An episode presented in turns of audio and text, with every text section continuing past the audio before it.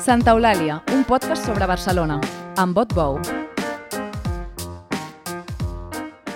Avui parlarem de turisme. Barcelona va rebre directament 9,7 milions de turistes l'any passat, però van arribar a passar per la ciutat 28 milions de persones. Ho farem amb Ernest Canyada, investigador postdoctoral a les Illes Balears, expert en la qüestió i membre del col·lectiu Alba Sud. Però no ens centrarem en els efectes sobre el teixit comercial ni sobre les molèsties en els veïns, que ja n'hem parlat altres vegades, sinó en el model econòmic i laboral i com els podem capgirar. Ernest Canyada, tot seguit, a Santa Eulàlia. Ernest Canyada és geògraf del treball, expert en turisme. Ernest Canyada, benvingut a Santa Eulàlia. Moltes gràcies. Un plaer tenir-lo aquí i poder xerrar amb vostè. Escolti, sempre ballen una mica les xifres en qüestió de turisme, però segons les dades de l'Institut Nacional d'Estadística Espanyol que va difondre l'Ajuntament de Barcelona, l'any passat la ciutat va rebre gairebé 10 milions de, de turistes, 9,7. Uh, aquest, això, aquest volum li sembla assumible? Li sembla dins de la normalitat? A veure, és veritat que hi ha un ball de dades, però les últimes dades que tenim, que a partir d'un estudi de la José Antonio Donaire, el que ens diuen és que parlem de 28 milions de turistes a Barcelona, just abans de la pandèmia. I... Com pot ser aquest decalatge entre sí. les xifres Perquè una cosa són i...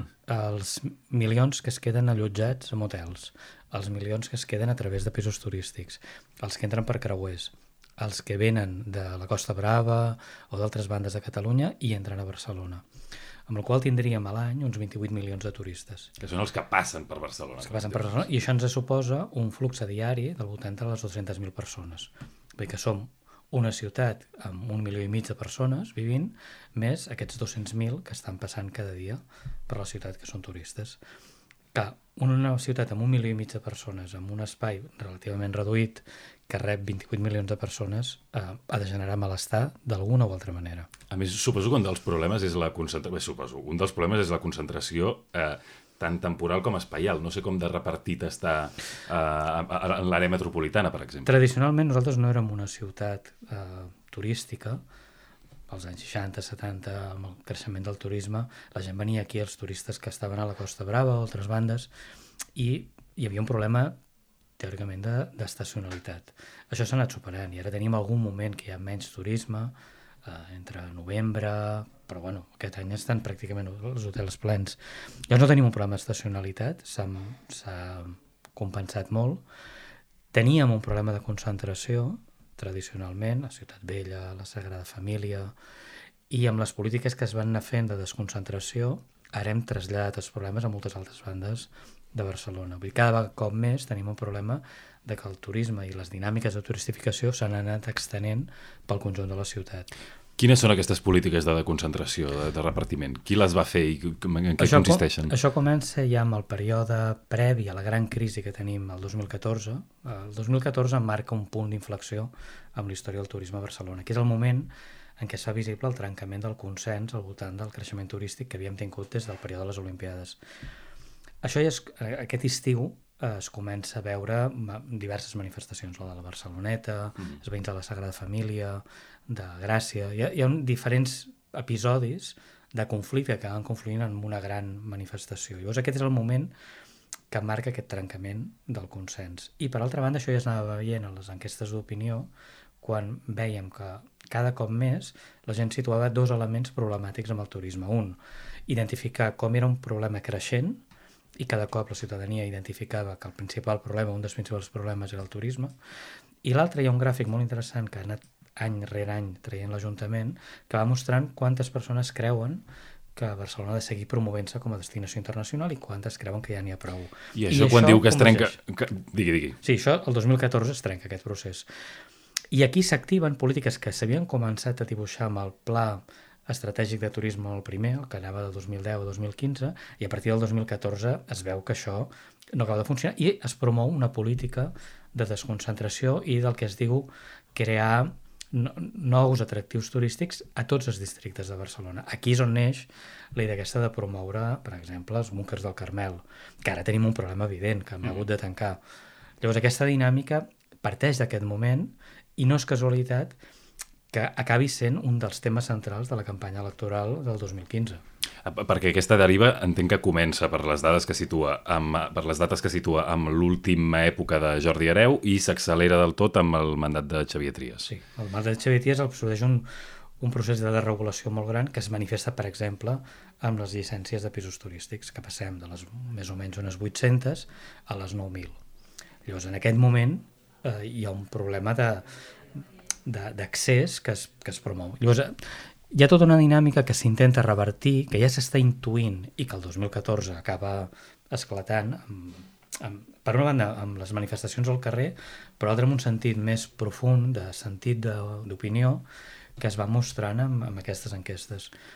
I aquí el que es promou són aquestes polítiques de desconcentració, descentralització, se li poden dir diferents noms, i és quan apareix tot el debat sobre el sobreturisme, la massificació, alguns el poden portar al terreny de la turismofòbia, és a dir, hi ha tota aquesta discussió pública que, que, que arriba en aquests moments. Quan diu que el, aquesta de, desconcentració eh, implica traslladar els problemes a, tota, a altres zones de Barcelona, no sé si també a altres zones de l'àrea metropolitana, què vol dir traslladar aquesta mena de problemes? Perquè per, per més que diguem-ne hi hagi coses que s'encomanin, no és el mateix barris a prop del mar a Barcelona que, no ho sé, barris eh, suburbials. Sí.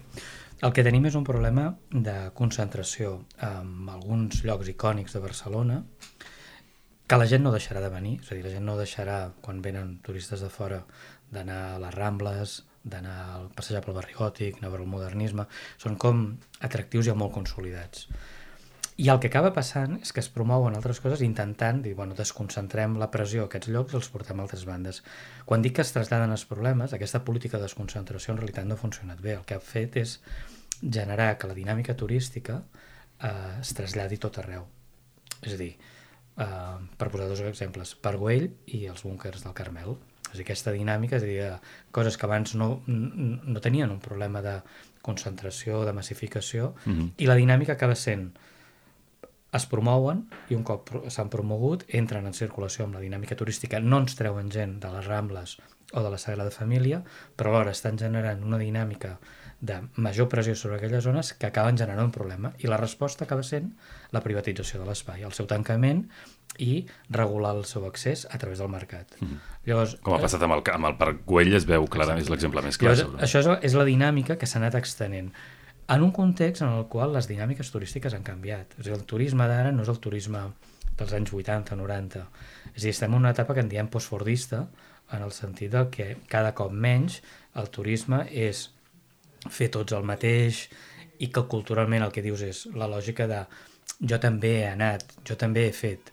O sigui, això era com funcionava els anys 80-90. Això no, no, no s'ha acabat, però cada cop més amb aquesta nova lògica postfordista és la mm. segmentació, la fragmentació, les experiències úniques. Llavors, això què vol dir?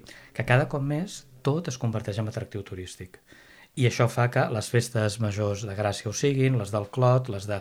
I cada cop més aquesta dinàmica es va extenent a més territoris. El, turisme cerca, el turista cerca una experiència, també, no? Cerca, cerca una experiència buscant una certa autenticitat, entre cometes, que l'acaba fent impossible perquè la seva presència acaba generant dinàmiques que ja no és el que era abans. Llavors, que això tampoc hauria de ser una cosa estranya. Senzillament el que està passant és que la lògica de la turistificació es va estenent cada cop més, amb més espais, amb més moments, i acaba generant que la dinàmica de la ciutat estigui molt derivada cap a l'activitat turística. Això deia, s'intensifica del tot amb l'època de Trias, per tant, és normal que durant la campanya del 2015 fos un, una qüestió important de debat, però després de 8 anys de govern de, de, de Colau, en alguns moments, la, la majoria del temps amb Jaume Collboni de Bracet, eh, li sembla que ha fet prou i li sembla que hi ha hagut un replantejament?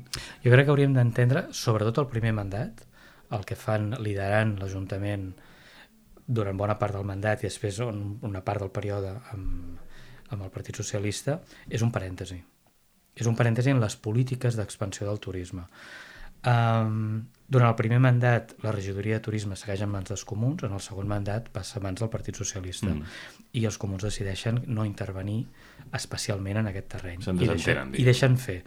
Prioritzen altres coses i el que mostra és, d'alguna manera, sobretot en el primer mandat, un intent de regular, de posar límits, d'obrir un debat sobre l'activitat turística en un context que les enquestes d'opinió i la mobilització ciutadana ho havien portat a una situació bastant, bastant inevitable, i hi ha un intent amb el PEUAT, amb el Consell de Turisme i Ciutat, amb diferents polítiques d'intervenir i intentar regular. Uh -huh. Això per força, en part, crec, per timidesa política, però en part també per falta de poder social, en el sentit de capacitat de sostenir la mobilització eh, que posi en qüestió aquest model de turistificació. I el que passa abans i després és una certa continuïtat en polítiques que van molt del braç del gremi d'hotels, del Consorci de Turisme, d'un increment de les facilitats que s'estan donant al sector turístic. Quan parlem de, de contenció, de la contenció que intenten els primers anys, per exemple, vol dir que, posant l'exemple que posava abans de les llicències turístiques, no n'hi ha de noves, però tampoc es rebaixen les que hi ha, sinó que hi ha com una mena de, de, de congelació. És a dir, en aquell moment la moratòria de, de llicències es viu com un escàndol, s'impugna, hi, ha una, hi ha una baralla judicial important, eh, es fa el PEUAT, s'intenta regular... És dir, hi ha una sèrie de mesures que des dels moviments socials es llegeixen com a molt tímides perquè segueix la dinàmica de creixement turístic, això no s'atura, segueix la promoció, etc. i això genera certs problemes.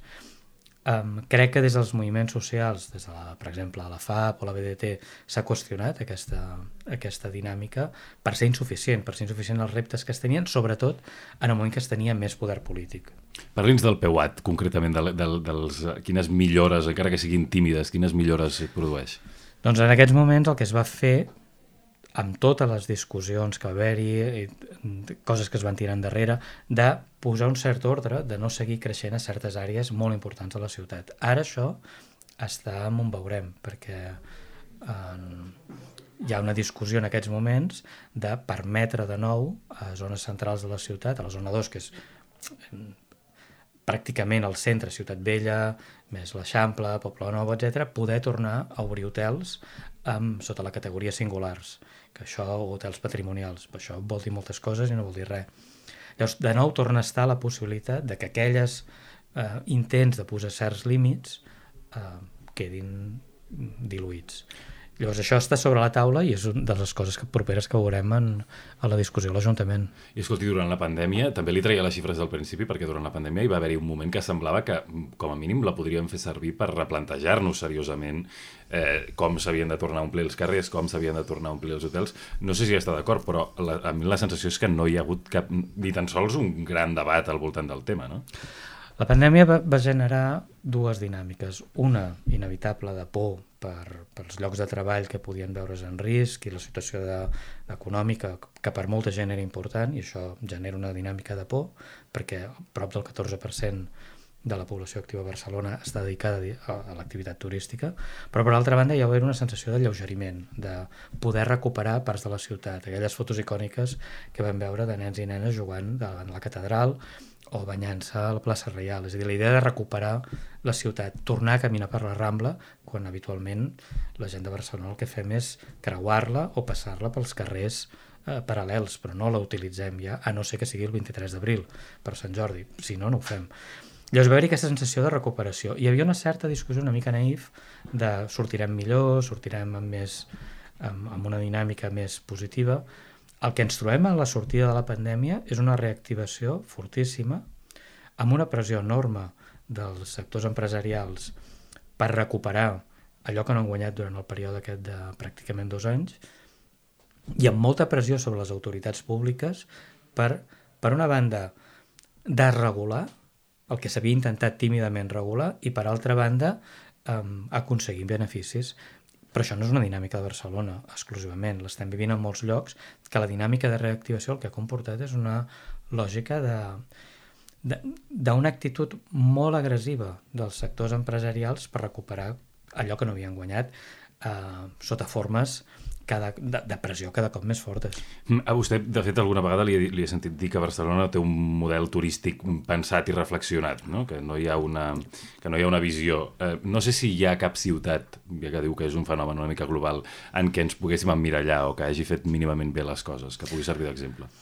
Jo crec que no, que les dinàmiques són bastant semblants a molts llocs. I en aquests moments el que estem vivint és una dinàmica de competència entre territoris i ciutats. És a dir, la sortida de la reactivació, de, amb la reactivació turística, el que ha comportat és una lògica de d'alguna manera de buscar un model molt més basat en el, allò que en diuen turisme de qualitat. Mm. És a dir, davant de les dinàmiques de saturació, malestar, etc, en un context de que es posa en dubte per la crisi energètica i per la crisi climàtica la possibilitat de seguir el model de mobilitat que hem viscut durant les darreres dècades, aquesta idea de la crisi del turisme barat el que està fent és que una de les possibilitats de sortida sigui buscar una major elitització del turisme, del consum turístic. I Barcelona està en competència amb Mallorca, amb Màlaga, amb Venècia, en Amsterdam, i en aquesta lliga de ciutats turístiques el que s'està buscant és, mm, encara que es digui eufemísticament, parlant de cultura, parlant de, de turisme de qualitat, el que s'està fent és buscar un...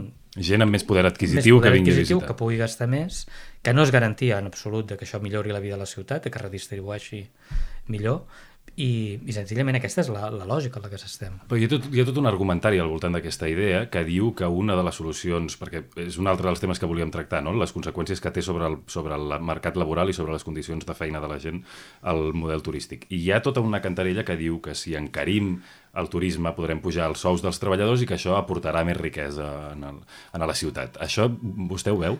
Això podria semblar de sentit comú fins que et trobes amb la realitat. Jo recordo perfectament quan el 2015 vaig començar a treballar amb la recerca sobre les condicions de treball de les cambreres de pis i en aquell moment el que em vaig trobar amb una cambrera que m'explicava en un dels hotels de més de luxe de Barcelona ella m'explicava que un hoste pagava 900 euros la nit ella tenia 22 minuts per arreglar la seva habitació i cobrava en aquell moment, abans de les pujades del salari mínim, 655 euros al mes. És a dir, que un hoste pagui més no significa que redistribueixi millor. Per redistribuir millor eh, calen primer polítiques públiques que ho permetin, que ho afavoreixin, i després organització sindical que eh, contraposi eh, capacitat del, del col·lectiu treballador. Ara parlarem de l'organització sindical, però referent a, les polítiques públiques, què és el que les entrebanca? Per exemple, és la, és la influència dels gremis hotelers i dels gremis de restauració? O... Això tenen molt de pes. Crec que s'han fet iniciatives importants en millora de l'inspecció de treball. L'Ajuntament va posar en marxa en el primer mandat dels comuns els punts de defensa de drets laborals, que és una iniciativa molt important per la qual s'han creat eh, tres espais amb assessorament laboral a treballadores i treballadors, en molts casos vinculats amb el turisme. Aquest últim any, a dades de novembre, han atès a 3, més de 3.000 persones. Bueno, es podien fer coses, se'n podien fer moltes més, incrementar la presència, la capacitat de denúncia, i sobretot s'havien de fer coses que tenien a veure amb no seguir alimentant la dinàmica d'aquest model de ciutat orientat cap a l'elitització del turisme. I això passa bàsicament per, un, prou infraestructures, mm. prou creixement d'infraestructures, sigui l'aeroport, sigui la nova terminal del port. Dos, eh, més regulació i més capacitat de control fiscal i laboral sobre el funcionament de l'activitat. Tres, acabar amb la promoció turística internacional. Aquest Nadal, si algú viatja a Nova York o a Londres es veurà cap als autobusos hi ha publicitat de passa el Nadal a, a Barcelona. És a dir, seguim alimentant una dinàmica de creixement d'un model que sembla que sigui sec a la realitat que tenim d'una crisi climàtica i energètica enorme. Clar, això, i, i, i potser és un dels problemes pels quals fins i tot els espais polítics que tenen aspiració de canviar-ho mm, després acaben sent tímids o no troben correlació de forces per fer-ho, si no hi ha un, un canvi de model una mica, econòmic una mica més a fons, si no ens reindustrialitzem, per exemple, per entendre'ns, és, és molt difícil aplicar solucions realment estructurals amb això, no? Sí, sí. Això passa perquè hem de poder reduir. És a dir, no estem en una situació de monocultiu turístic, és a dir, Barcelona no és Mallorca, té un 13 o un 14% del seu PIB vinculat a l'activitat turística, no té el 40%, per tant tenim marge, tenim un territori prou gran que ens permetria, com a àrea d'influència, generar altres dinàmiques econòmiques, vull dir, estem encara a temps de no seguir aprofundint en aquesta lògica. Però això inevitablement passa per reduir l'activitat turística, transformar-la, reindustrialitzar, i no reindustrialitzar només amb sectors punters eh, tecnològicament, que també és una dinàmica que ens està portant un altre tipus de problemes, que són tots els expats i tota la lògica de substitució de població. Necessitem generar indústria per activitats, vinculada a activitats primàries, a, a necessitats bàsiques, que hem vist amb la pandèmia que teníem necessitats bàsiques que no podíem cobrir tan fàcilment. Això implica repensar l'estructura econòmica i això no és una cosa que Clar. es pugui fer en un mandat, amb dos, senzillament, i al mateix moment, en aquest procés de transició socioecològica, això passa també perquè el turisme tingui algun paper. I aquí està la discussió de fons, és a dir, no tenim polítiques turístiques pensades per la població de Barcelona ni de la seva àrea metropolitana. És a dir, no les hi ha. El que tenim són polítiques de recepció per atraure població estrangera, per facilitar eh, que les empreses puguin fer aquesta dinàmica d'internacionalització, però no tenim una política pública pensada per les necessitats que té la pròpia població és com anar mantenint amb, amb l'aigua al coll per mantenir la, la infraestructura turística que hi ha ara, però no, no perquè la riquesa arreli, si ho estic entenent bé. Sobretot, és una riquesa que es concentra en molt poques mans, Clar. que no està generant, i després en parlarem, um, condicions de treball, un treball digne, i al mateix moment tampoc està tenint en compte les necessitats que té el, el gruix, la majoria de la població de Barcelona, la seva àrea metropolitana, eh, les seves necessitats que té en termes d'oci, d'esbarjo, d'accés a espais verds, i això significa repensar també les polítiques turístiques, però no només per decréixer, sinó també per transformar i reubicar prioritats. Clar, és que aquest, aquest, aquesta és la qüestió, no? Reubicar prioritats, perquè si el, si el model, el, el canvi de veritat que ens pot beneficiar amb el turisme l'hem de fer a partir de la reindustrialització, per exemple, aquí és, és potser on hem de mm, les institucions que es posin les piles, no? I, I llavors això, la meva pregunta és per què no passa? Que hi, hi ha un problema de falta de eh, competències de la Generalitat i de l'Ajuntament de Barcelona, hi ha un problema de falta de visió política, de falta de lideratge, de que el turisme com a model és més còmode perquè, eh, no sé, perquè sempre confies que vindrà gent? Hi ha tot això i hi ha una història de poders establerts molt forts amb, que s'han mm, situat en l'economia de la nostra ciutat que l'hem de llegir en termes d'economia política. És a dir, tenen una capacitat de poder i d'influència molt grans i canviar aquestes inèrcies tampoc és senzill. Implica voluntat, eh, valentia política, però també poder social. Poder social en sentit d'organització i capacitat de pressió. En un context de crisi energètica i climàtica com el que estem vivint, és suïcida seguir amb aquest model. Necessitem repensar el model econòmic i territorial i com més tard ho fem, menys condicions tindrem, perquè la crisi ecològica es va aguditzant i, per altra banda, les necessitats d'una part important de la població no estan satisfetes. I això té a veure amb moltes coses, però també té a veure amb turisme. Uh -huh. És a dir, tenim prop d'un 30% de la població catalana que no pot fer vacances fora de casa seva una setmana fora de casa seva. Llavors això són coses que hauríem de començar a abordar. I no tenim una política turística integrada que respongui a aquestes necessitats. Um, què vol dir integrada, això? Int integrada vol dir que tingui en compte eh, diferents estratègies, és a dir, per una banda tenim una política de turisme social al voltant de l'IMSERSO, que depèn del Ministeri de Sanitat, que no està pensada pel benestar dels avis. Tenim polítiques de colònies per joves o per infants, camps de treball, però no tenim tot això integrat amb una política coherent que posin al centre a la ciutadania de quines necessitats turístiques té. Ara, ara parlava de la importància de l'organització i abans també deia els sindicats. Hi ha un exemple en què vostè s'ha especialitzat bastant, que és el de les Kellys, que, que ve del... les que limpien els hoteles, no? les que netegen els hotels. Um, no sé si ens pot explicar com funciona, com, com, com és l'exemple de lluita d'aquestes treballadores. Jo crec que l'exemple de les cambreres de pis, que després es van autoorganitzar en forma d'associacions que tenien el nom de Kellys, mostrava una mica eh, un context molt concret de, de crisi, de sobretot dones grans, d'origen nacional o estrangeres, però que ja portaven molt temps, d'una certa edat, al voltant dels 50 anys, que en un determinat moment viuen una situació d'asfíxia que no poden més. És a dir, veníem de la crisi de 2008, que s'aguditza a partir del 2012, en moltes cases l'únic ingrés que arriba és el d'elles, perquè tot el sector de la construcció se'n va a l'aire, mm -hmm. i es troben en una situació de molta pressió i que l'empresariat el que fa és reaccionar sabent que té moltes al carrer que poden fer aquesta feina i per tant la reacció és precaritzar encara, precaritzar més. encara més intensificant el treball i després tenim la reforma laboral de l'any 2012 que aprova el govern de Mariano Rajoy que permet les externalitzacions per avertir costos laborals. Això acaba generant un còctel d'una situació de precarietat enorme que fa que quan elles veuen una um, finestra d'oportunitat d'obrir eh, espai per, per denunciar el que els estava passant, obren l'espai i s'organitzen. I es converteixen en una experiència innovadora de es, prendre espais amb la pròpia decisió de dir bueno, que, com, com ens hem d'organitzar i què hem de fer. I què aconsegueixen? Aconsegueixen primer un reconeixement. Aconsegueixen un reconeixement públic molt important en termes de que abans els seus problemes eren desconeguts, ocults. Ara avui en una entrevista aquí a Vilaweb n'estem parlant d'elles. Havent passat tots els anys que ha passat des de que es van començar a organitzar. Mm -hmm. És a dir, hi ha hagut una dinàmica de reconeixement públic de els seus problemes que després es reflectia en com es negociaven els convenis, com es negociaven eh, les dinàmiques concretes d'organització del treball, que després es reflectien o no amb el reconeixement de malalties professionals, i ells aconsegueixen la seva capacitat de fer-se presents públicament, aconsegueixen el reconeixement.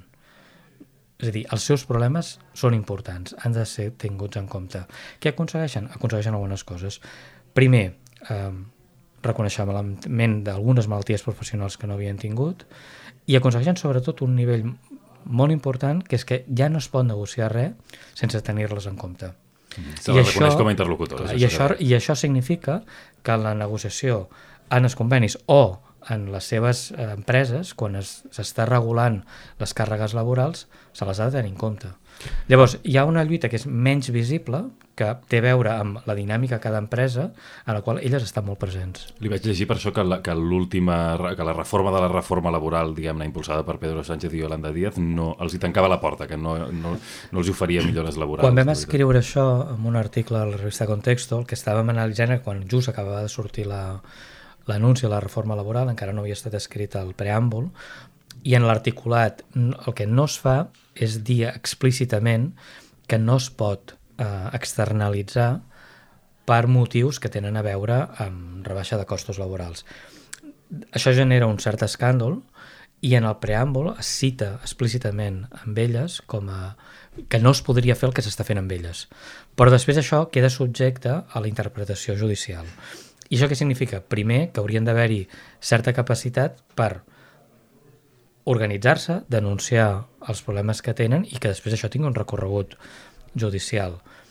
En un context en el qual la, la capacitat d'organització tant de sindicats com de Kellys en, en el peu d'empresa de, de, per empresa és molt reduït. Llavors aquí, aquí tenim un problema. Mm. Que si queda subjecte a la interpretació judicial, doncs bueno, cal fer tot aquest recorregut. I hi ha una, hi ha una, una última qüestió que volíem parlar amb vostè. Entrarem no del tot a fons amb, amb tot el que hem anat dient, però almenys ens servirà per tenir una fotografia general, que és el, el pròxim gran esdeveniment que està previst a Barcelona, que és la, la Copa de l'Amèrica de Vela, eh, que en teoria s'ha de celebrar el setembre de l'any vinent, entre l'agost i l'octubre de l'any vinent, però sembla que el, el calendari es pot eh, eixamplar, diguem en funció de la, de, de la climatologia, del temps que faci. Um, quin, quin, com, com és que Barcelona s'ha obert a tornar a aquesta política com de grans esdeveniments? O quines característiques té la Copa de, de l'Amèrica de Vela que faci que és un, esde, un esdeveniment diferent, un tipus d'esdeveniment diferent? Jo crec que és, és, és més del mateix, és un gran desastre. És a dir, i a més a més que durarà molt i que tenim el risc de que es perpetui, perquè eh, es pot seguir fent a Barcelona. Llavors això ens suposa una pressió especialment en els barris, sobretot la Barceloneta, però Poble Nou també, de, una dinàmica de pressió sobre l'habitatge molt gran per, per, per, per un problema de competència residencial. Llavors aquí tenim un problema, un problema gros que no, que no, ens, que no ens està generant. A mi que després es fagin dinàmiques d'esport per la infància al voltant de que prenguin el vel i no sé què, bueno, molt bé, està estupendo, però això no té res a veure amb els problemes que tenim diaris de pressió immobiliària amb uns preus cada cop més cars de l'habitatge sense prou eh, lloguer a preus assequibles pels salaris que tenim i esdeveniments d'aquest tipus el que fan és reforçar-lo i reforçar el model d'atracció de població de major poder adquisitiu cap a Barcelona per seguir fent el mateix que hem estat fent sempre. El problema amb l'habitatge suposo que vol dir que com que hi ha, em sembla que són 19.000 o 20.000 persones que ja només de l'organització venen a Barcelona i que per tant s'hi han d'estar instal·lades un, un temps, de fet ja n'hi ha d'instal·lades ara, eh, és clar, aquestes persones volen viure volen estar instal·lades en pisos a prop, del, a prop del port i a prop de la zona costanera, com deia vostè. L'Ajuntament, de tota manera, els hi va demanar que s'allotgessin, mm, que no s'allotgessin en aquestes zones precisament pel problema de l'habitatge, però no sé si, si amb això hi ha un control estricte o què està passant. No crec que hi hagi un control. I, a més a més, bueno, les declaracions de dir vés a una banda o vés a una altra, eh, vés a saber quina capacitat de, de seguiment se'n fa. El problema és que no podem seguir perpetuant la ciutat sobre aquesta base. Això li, li va molt bé a alguna gent eh, amb interessos molt concrets, per la majoria de la, de la ciutadania, però és un model que, que, que és hereu del model de les Olimpiades i, i que anem un cop rere l'altre eh, repetint i jo crec que hem de canviar. I que deriva, suposo, també d'aquesta incapacitat, d'això que parlàvem abans, del canvi de model econòmic, no? de, de trobar alternatives eh, que, diguem-ne, hi ha aquesta mandra institucional o aquesta por o aquest... El que És sigui. que jo crec que no hi ha, no hi ha un problema de, de manca de capacitat per trobar, no hi ha una voluntat política. És a dir, estem davant d'una situació de crisi climàtica crisi energètica, més problemes de desigualtat social cada cop més gran, i seguim perpetuant un model de turistificació que ens està portant a situacions d'expulsió de la població, de precarització, i seguim aprofundint amb ell. Llavors aquí és on... I, i seguim aprofundint perquè hi ha estructures de poder que ja els hi va bé i perquè els altres no s'atreveixen a enfrontar-s'hi o perquè no tenen prou poder social, però la situació és cada cop més crítica. I a més a més, com més triguem, amb repensar el model i posar-lo en marxa, més dificultats tindrem. I en canvi estem perpetuant un model en competència amb altres territoris que el que estan buscant és aquesta lògica d'elitització i invertint recursos públics per fer-ho. I la Copa Amèrica és part d'aquest procés, és part d'aquesta atracció. Clar, però si tothom busca l'elitització no hi haurà prou elit per tothom, no? no hi haurà... això, això és una de les coses que sempre diem a les xerrades, és a dir, no hi ha rics per tothom. Clar. Perquè més és així, és a dir, un model basat en classes mitjanes té uns, uns volums. Un model basat en intentar atraure gent que pugui pagar molt, però si tothom està fent el mateix model, doncs no hi ha tanta gent que pugui pagar tant. Per tant, és una estratègia que et porta a que algú o altre sortirà perdent. Clar, i després suposo que també hi ha una, hi ha una reflexió en, que s'ha de fer en la crítica al turisme, que és que s'ha de vigilar que certs discursos no acabin provocant que només viatgin els rics i que només... No? O sigui, la, la, la part contrària. I això, això significa, un, no expansió de les infraestructures d'atracció, és a dir, aeroport i port, però a més a més hem d'entrar a la regulació perquè qui més està contaminant són qui està fent el consum amb jets privats i volant en primera. I aquí hem de començar a primer intervenir des de la desigualtat que genera l'efecte climàtic que estan provocant. Llavors, primer hem d'intervenir des d'aquesta vessant, des de la desigualtat i després hem d'intervenir de dir, bueno, com regularem els vols internacionals? I això requereix planificació, però que l'únic eh, element de selecció no pot ser que sigui el mercat. Mm -hmm. Molt bé, doncs amb tots aquests deures ens acomiadem, hauríem estat més estona xerrant, com sempre, però eh, la mitja hora és la mitja hora. Moltes gràcies, Ernest Canyada, per venir a Santa Eulàlia. Moltes gràcies. Gràcies per escoltar-nos, com sempre, i recordeu que ens podeu enviar comentaris i suggeriments a l'adreça de correu electrònic santaeulàlia.vilaweb.cat santaeulàlia.vilaweb.cat Fins aviat! Santa Eulàlia és un podcast de VilaWeb presentat per Otbou amb Carles Garcia al servei tècnic i a les veus Maria Castanyer.